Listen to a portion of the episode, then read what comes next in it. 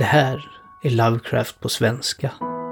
En podd där jag, Fredrik Johansson, läser in mina egna översättningar av skräckförfattaren H.P. Lovecrafts berättelser.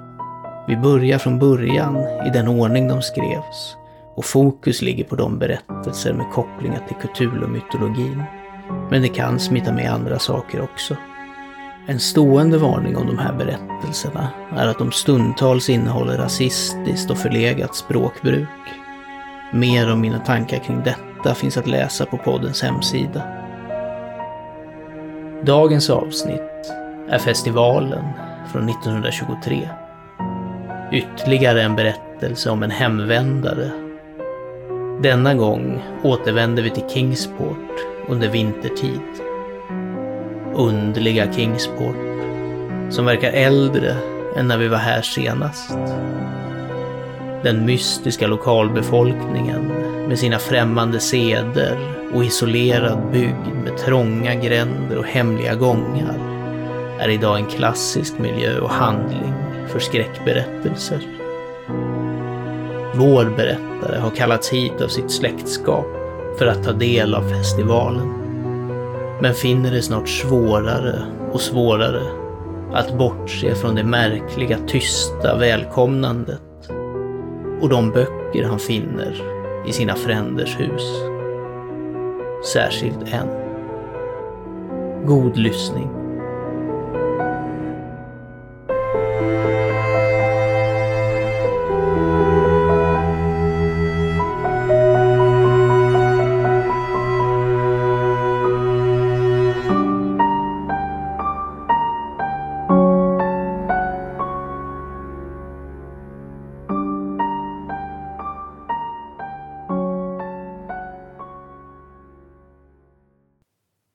Festivalen. Efficient demones ut qua non sunt, sictamen quasi sint, conceptiende homnibus, exhibiant. Lactantius. Jag var långt hemifrån och det östra havets förtrollning var över mig. I skymningen hörde jag det slå mot klipporna och jag visste att det låg just över kullen där de slingrande pilarna vred sig mot den klarnande himlen och kvällens första stjärnor. Och eftersom mina fäder hade kallat mig till den gamla staden där bortom stretade jag vidare genom den grunda, nyfallna snön längs vägen som ensamt gled upp till där Aldebaran tindrar bland träden. Vidare mot den mycket uråldriga staden jag aldrig hade sett, men ofta drömt om. Det var juletiden, som män kallar Kristi mässa, fastän de vet i sina hjärtan att den är äldre än Betlehem och Babylon, äldre än Memphis och mänskligheten. Det var juletiden, och jag hade till slut kommit till den urgamla sjöstad där mitt folk hade bott och hållit festival under den äldre tiden, när festival var förbjuden. Där de också hade befallt sina söner att hålla festival en gång varje århundrade, så att minnet av de primala hemligheterna inte skulle glömmas. Mitt var ett gammalt folk och var gamla redan när det här landet bebyggdes 300 år tidigare.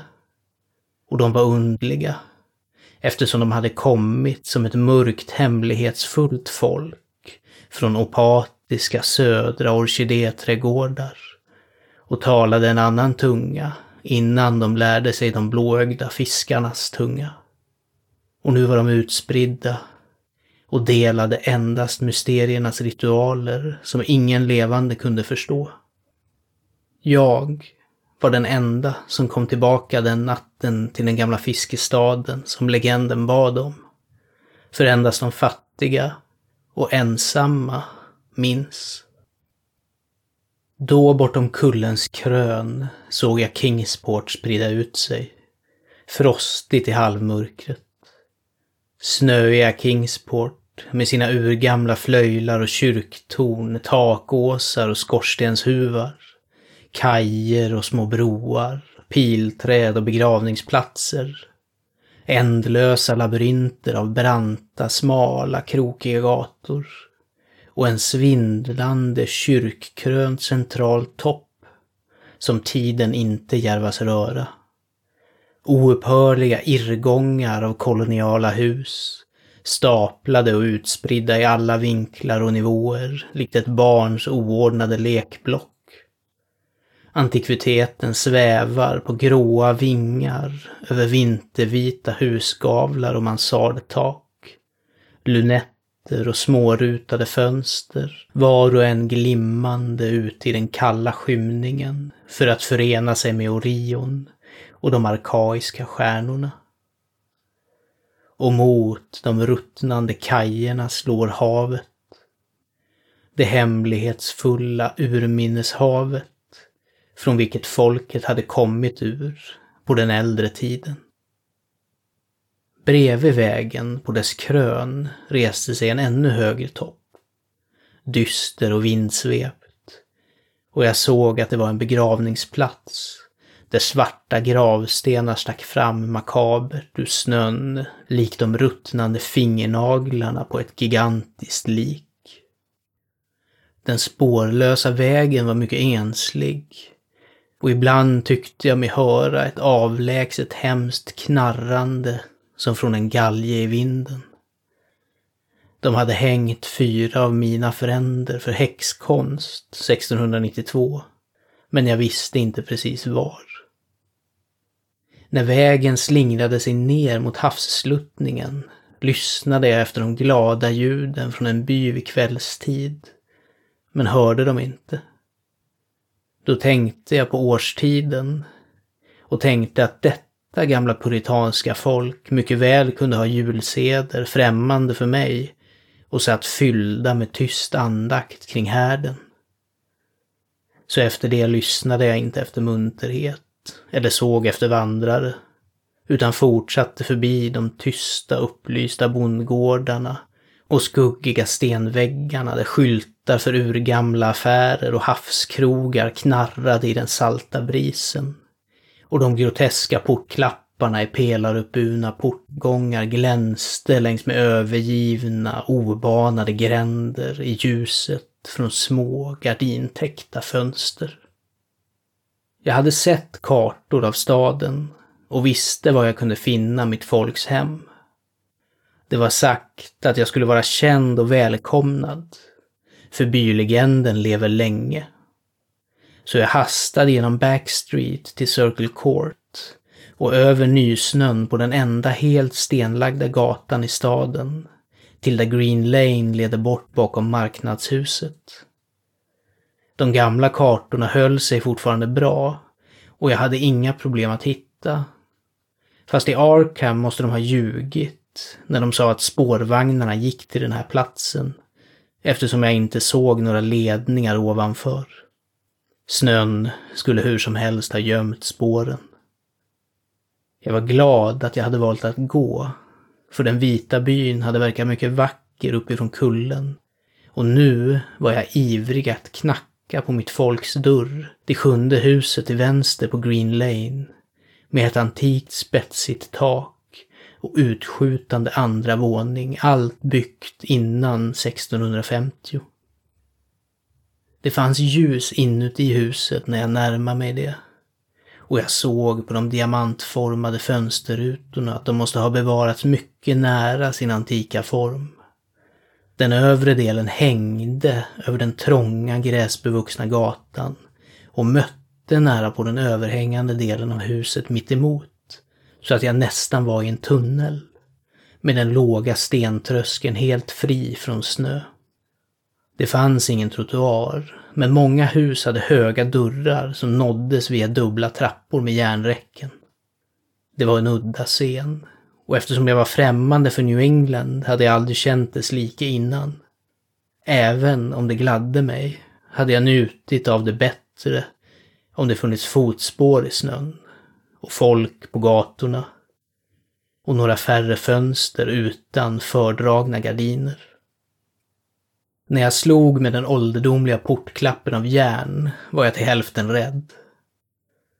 En viss fruktan hade samlats i mig, kanske på grund av märkligheterna i mitt arv och kvällens dysterhet och kusligheten i tystnaden i den åldrade staden med konstiga seder. Och när min knackning besvarades var jag helt rädd, eftersom jag inte hade hört några fotsteg innan dörren knarrade upp. Men jag var inte rädd länge. För den i morgonrock klädda och toffelbärande gamle mannen i dörröppningen hade ett slätstruket ansikte som lugnade mig. Och även om han gjorde tecken som visade att han var stum skrev han ett pittoreskt och uråldrigt välkomnande med pennan och vaxtavlan som han bar. Han visade in mig i ett lågt rum, upplyst av stearinljus med massiva exponerade takbjälkar och glest inredd med mörka, stela 1600-talsmöbler. Det förflutna var levande här, för inte ett attribut saknades. Där var en grottlik eldstad och en spinnrock över vilken en böjd gammal kvinna i löst sittande rock och djup bahytt satt med ryggen mot mig, tyst spinnande trots högtiden. En vag fuktighet fanns över platsen och jag förundrades över att ingen eld flammade. En bänk med hög rygg stod vänd mot raden av fördragna fönster till vänster och verkade vara upptagen men jag var inte säker. Jag tyckte inte om allting av det jag såg och kände igen den rädsla jag hade haft. Denna rädsla växte sig starkare av det som tidigare mildrat den. För ju mer jag såg på den gamle mannens slätstrukna ansikte, desto mer störde dess intetsägande drag mig. Ögonen rörde sig aldrig och huden var för lik vax till slut var jag säker på att det inte alls var ett ansikte, utan en djävulskt listig mask. Men de slappa händerna, märkligt nog behandskade, skrev vänligt på tavlan och sa mig att jag måste vänta ett tag innan jag kunde ledas till platsen för festivalen. Pekandes på en stol, ett bord och en hög med böcker lämnade den gamle mannen ur rummet. Och när jag satte mig ner för att läsa såg jag att böckerna var uråldriga och mögliga och inkluderade gamla Morristers vilda Vetenskapens under. Den fruktansvärda Saduskimus triumfatus av Joseph Glanville, utgiven 1681. Den chockerande Demonolatrej av Remigus, tryckt 1595 miljon.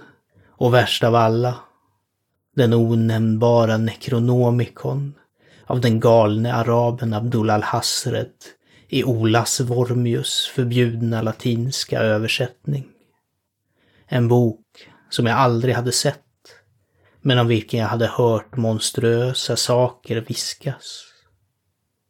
Ingen talade till mig, men jag kunde höra knarrandet av skyltar i vinden utanför och hjulets surrande när den bahyttklädda gamla kvinnan fortsatte sitt tysta spinnande, spinnande. Jag tyckte att rummet och böckerna och människorna var väldigt morbida och oroande. Men eftersom en gammal tradition från mina fäder hade kallat mig till märkliga festligheter bestämde jag mig för att förvänta mig besynliga saker. Så jag försökte att läsa och blev snart darrande absorberad av någonting jag fann i den där fördömda Necronomicon. En tanke och en legend för avskyvärd för förstånd eller medvetande. Men jag ogillade det när jag tyckte mig höra att ett av fönstren framför bänken stängas. Som om det hade öppnats i smyg. Det hade verkat följa ett surrande som inte kom från den gamla kvinnans spinnrock. Det här var inte tydligt dock, för den gamla kvinnan spann väldigt hårt och den åldrade klockan hade slagit.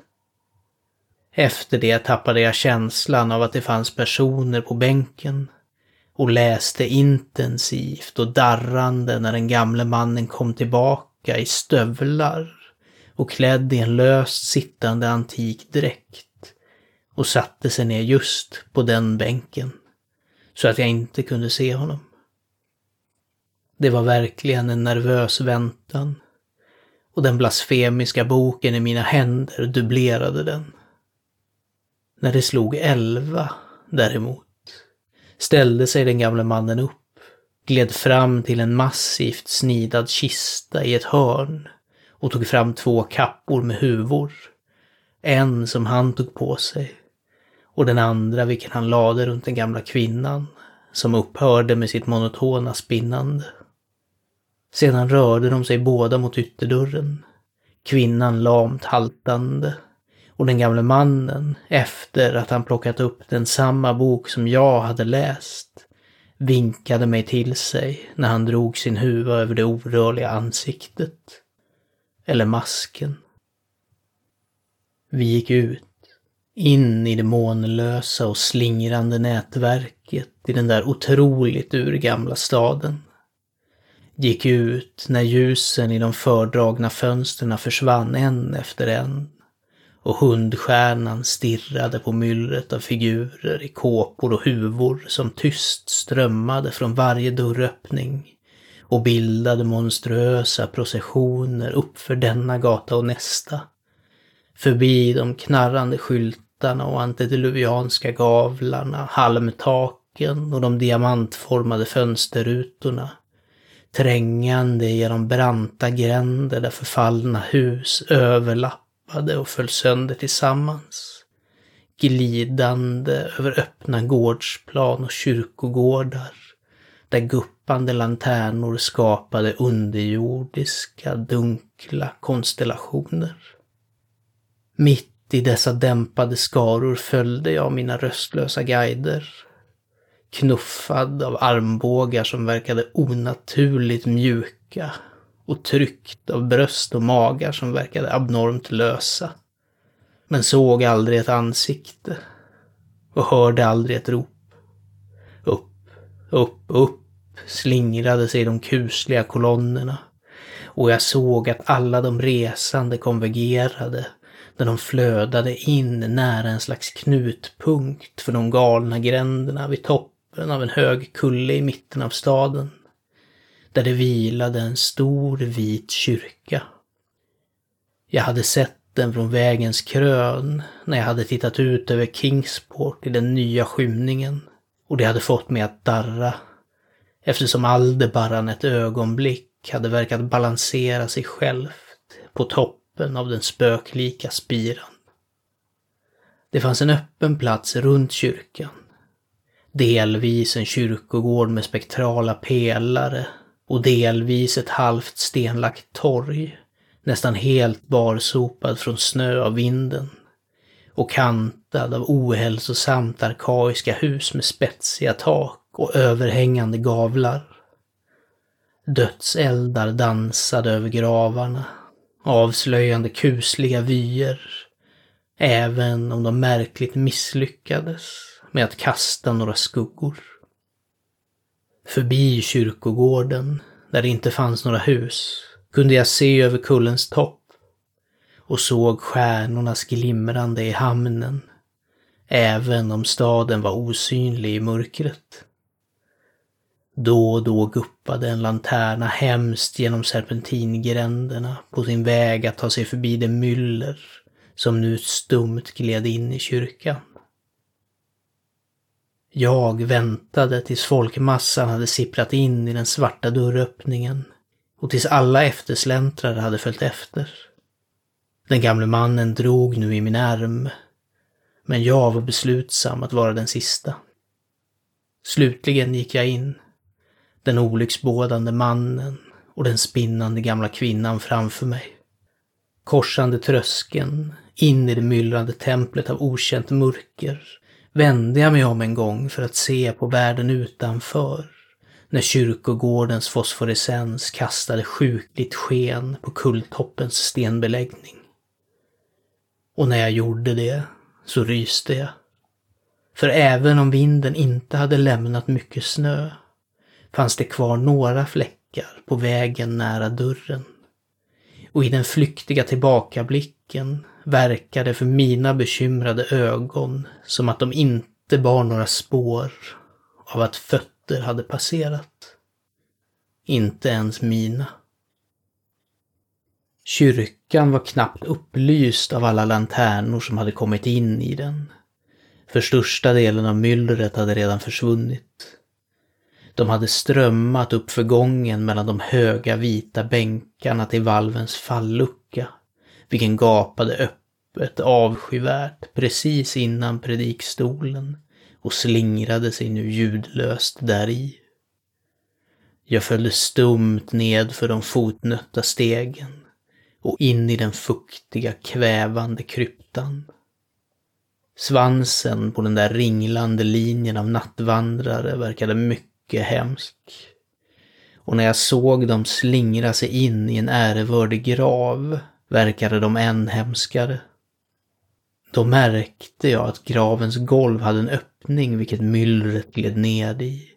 Och ett ögonblick senare var vi alla på väg ned för en olycksbådande trappa av grovt huggen sten. En smal spiraltrappa, fuktig och egendomligt luktande, som svängde sig oändligt ner i kullens inre, förbi monotona väggar av drypande stenblock och sönderfallande murbruk. Det var en tyst, chockerande nedstigning och jag observerade efter en hemsk intervall att väggarna och trappan ändrades i utformning. Som om de mejslats ut ur den solida klippan. Vad som huvudsakligen störde mig var att myriaden av fotsteg inte avgav några ljud eller några ekon. Efter många eoner av nedstigning såg jag några sidopassager eller hålor som ledde från okända fördjupningar av svärta till detta schakt av nattliga mysterier. Snart blev de orimligt många, likt ogudaktiga katakomber av namnlösa hot, och deras stinkande odör av förfall växte sig påtagligt outhärdligt. Jag visste att vi måste ha passerat ner genom berget och under den jord som självaste Kingsport stod på. Och jag rös över att en stad kunde vara så åldrad och maskäten med underjordisk ondska. Då såg jag det glödande skimret av blekt ljus och hörde det lömska skvalpandet av sollösa vatten. Och igen rös jag, för jag tyckte inte om sakerna som natten hade fört med sig och önskade bittert att ingen förfader hade kallat mig till denna primala rit. När stegen och passagen blev bredare hörde jag ett annat ljud. Det tunna, gnällande hånet av en svag flöjt. Och plötsligt bredde det ut sig framför mig de gränslösa vyerna av en inre värld.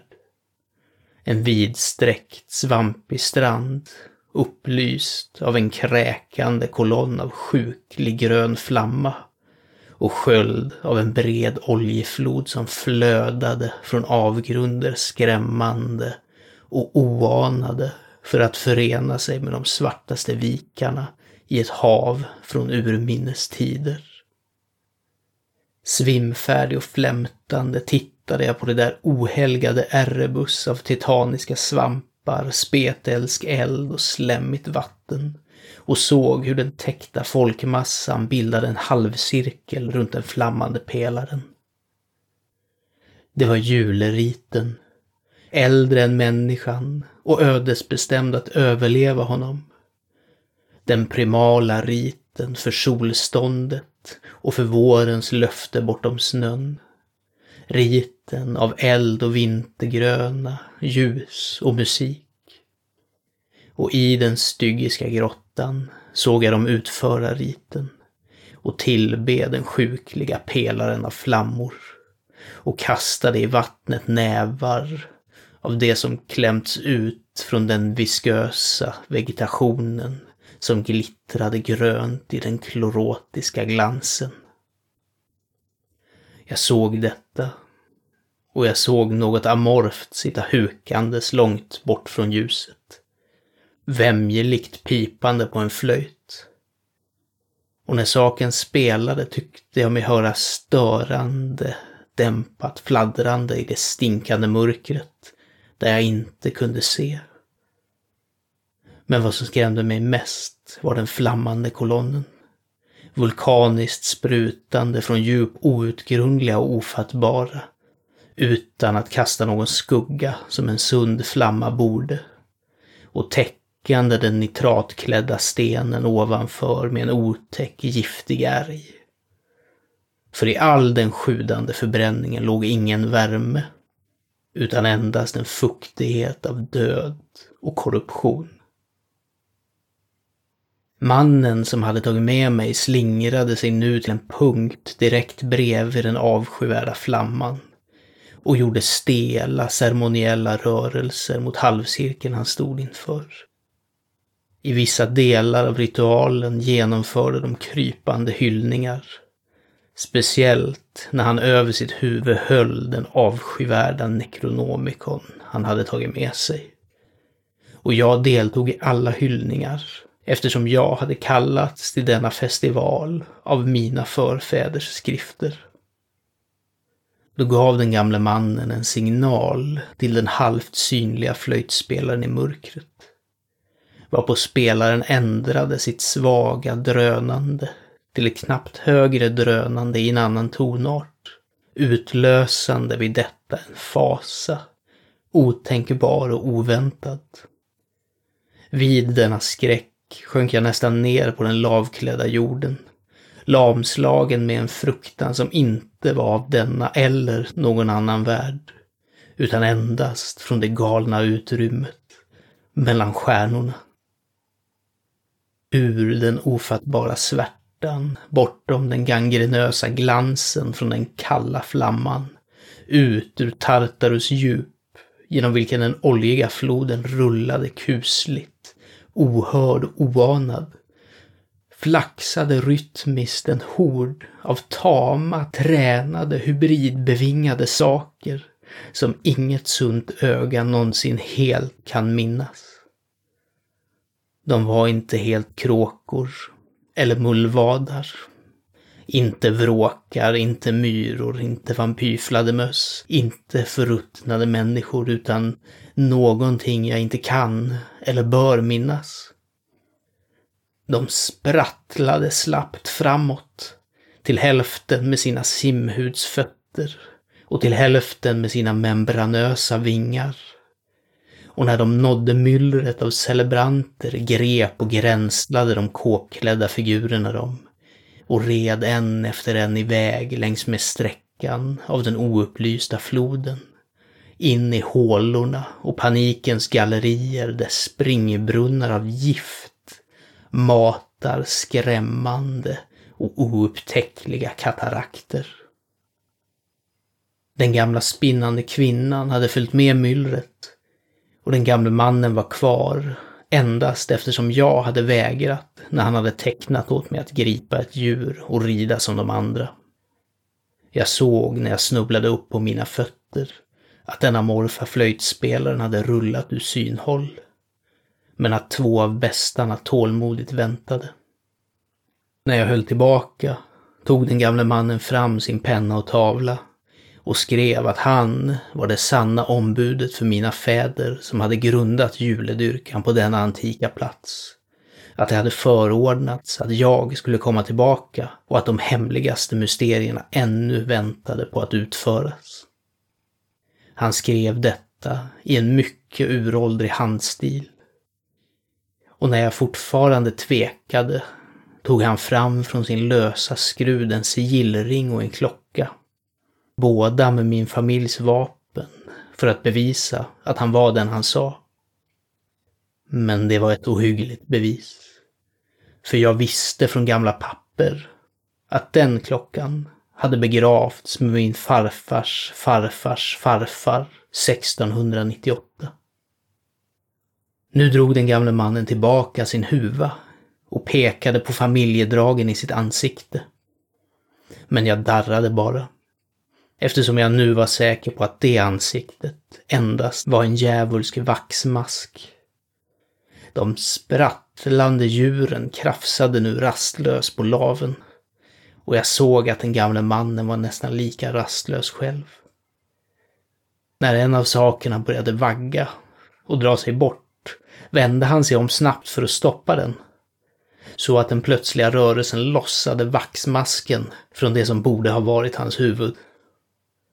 Och då, eftersom den mardrömmens position spärrade mig från den stentrappa från vilken vi hade kommit, kastade jag mig själv in i den oljiga underjordiska floden som bubblade någonstans till havets grottor. Kastade mig själv in i den där ruttnande saften av jordens innersta fasor innan galenskapen i mina skrik kunde bringa ner över mig alla de dödslegioner dessa pestdjup kunde dölja. På sjukhuset sa de till mig att jag hade hittats halvfrusen i Kingsports hamn vid gryningen. Fastklamrad på den drivande mast som olyckan sänt för att rädda mig. De sa till mig att jag hade tagit fel vid vägskälet på kullen kvällen innan och fallit från klipporna över Orange Point. En sak de slöt sig till från spåren som hittades i snön. Det fanns inget jag kunde säga, eftersom allting var fel. Allting var fel, med det breda fönstret som visade ett hav av tak, där endast ett av fem var antika, och ljudet från spårvagnar och bilar på gatorna nedanför. De insisterade på att detta var Kingsport, och jag kunde inte förneka det. När jag greps av yrsel då jag fick höra att sjukhuset låg nära den gamla kyrkogården på Central Hill skickade de mig till St. Marys sjukhus i Arkham, där jag kunde få bättre vård. Jag tyckte om det där, för läkarna var vidsynta och hjälpte mig till och med med sitt inflytande för att låna det noggrant skyddade exemplaret av Alhasrets stötande Necronomicon från biblioteket i Miskatonic universitet. De sa något om en psykos och höll med om att det var bäst om jag kunde få bort all trakasserande besatthet ur mina tankar. Så igen läste jag det där fruktansvärda kapitlet och rös dubbelt om eftersom det verkligen inte var nytt för mig. Jag hade sett det förut. Låt fotspåren berätta vad de vill. Och vad det var jag hade sett var det bäst att glömma. Det fanns ingen i vakna stunder som kunde påminna mig om det. Men mina drömmar är fyllda med skräck på grund av fraser jag inte vågar citera. Jag vågar endast citera ett stycke på sådan engelska jag kan översätta från det besvärliga senlatinet. De nedersta grottorna, skrev den galna araben, är inte av förståelse för ögon som kan se. För deras under är besynliga och hemska. Förbannad är marken där döda tankar lever nya och märkligt förkroppsligade och ont det sinne som inte hålls av något huvud. Vist, sade Ibn Shakabak, att lycklig är den grav där ingen trollkarl har legat. Och lycklig den stad på natten vars trollkarlar alla är aska.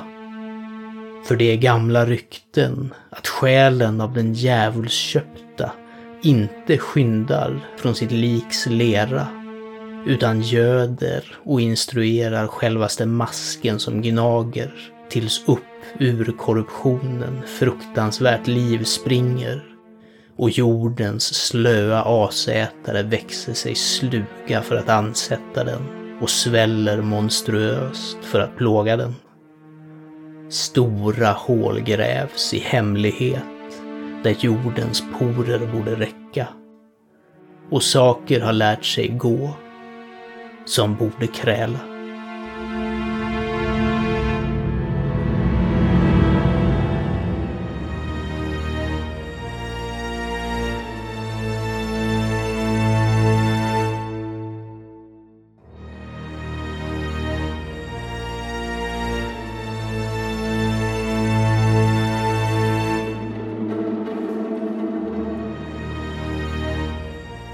Du har lyssnat på Festivalen, en berättelse av Howard Phillips Lovecraft som skrevs i oktober 1923 och som publicerades för första gången i januari 1925 i Weird Tales, i det första numret av den femte utgåvan. Den svenska översättningen och inläsningen är gjord av mig, Fredrik Johansson. Tack för att du har lyssnat.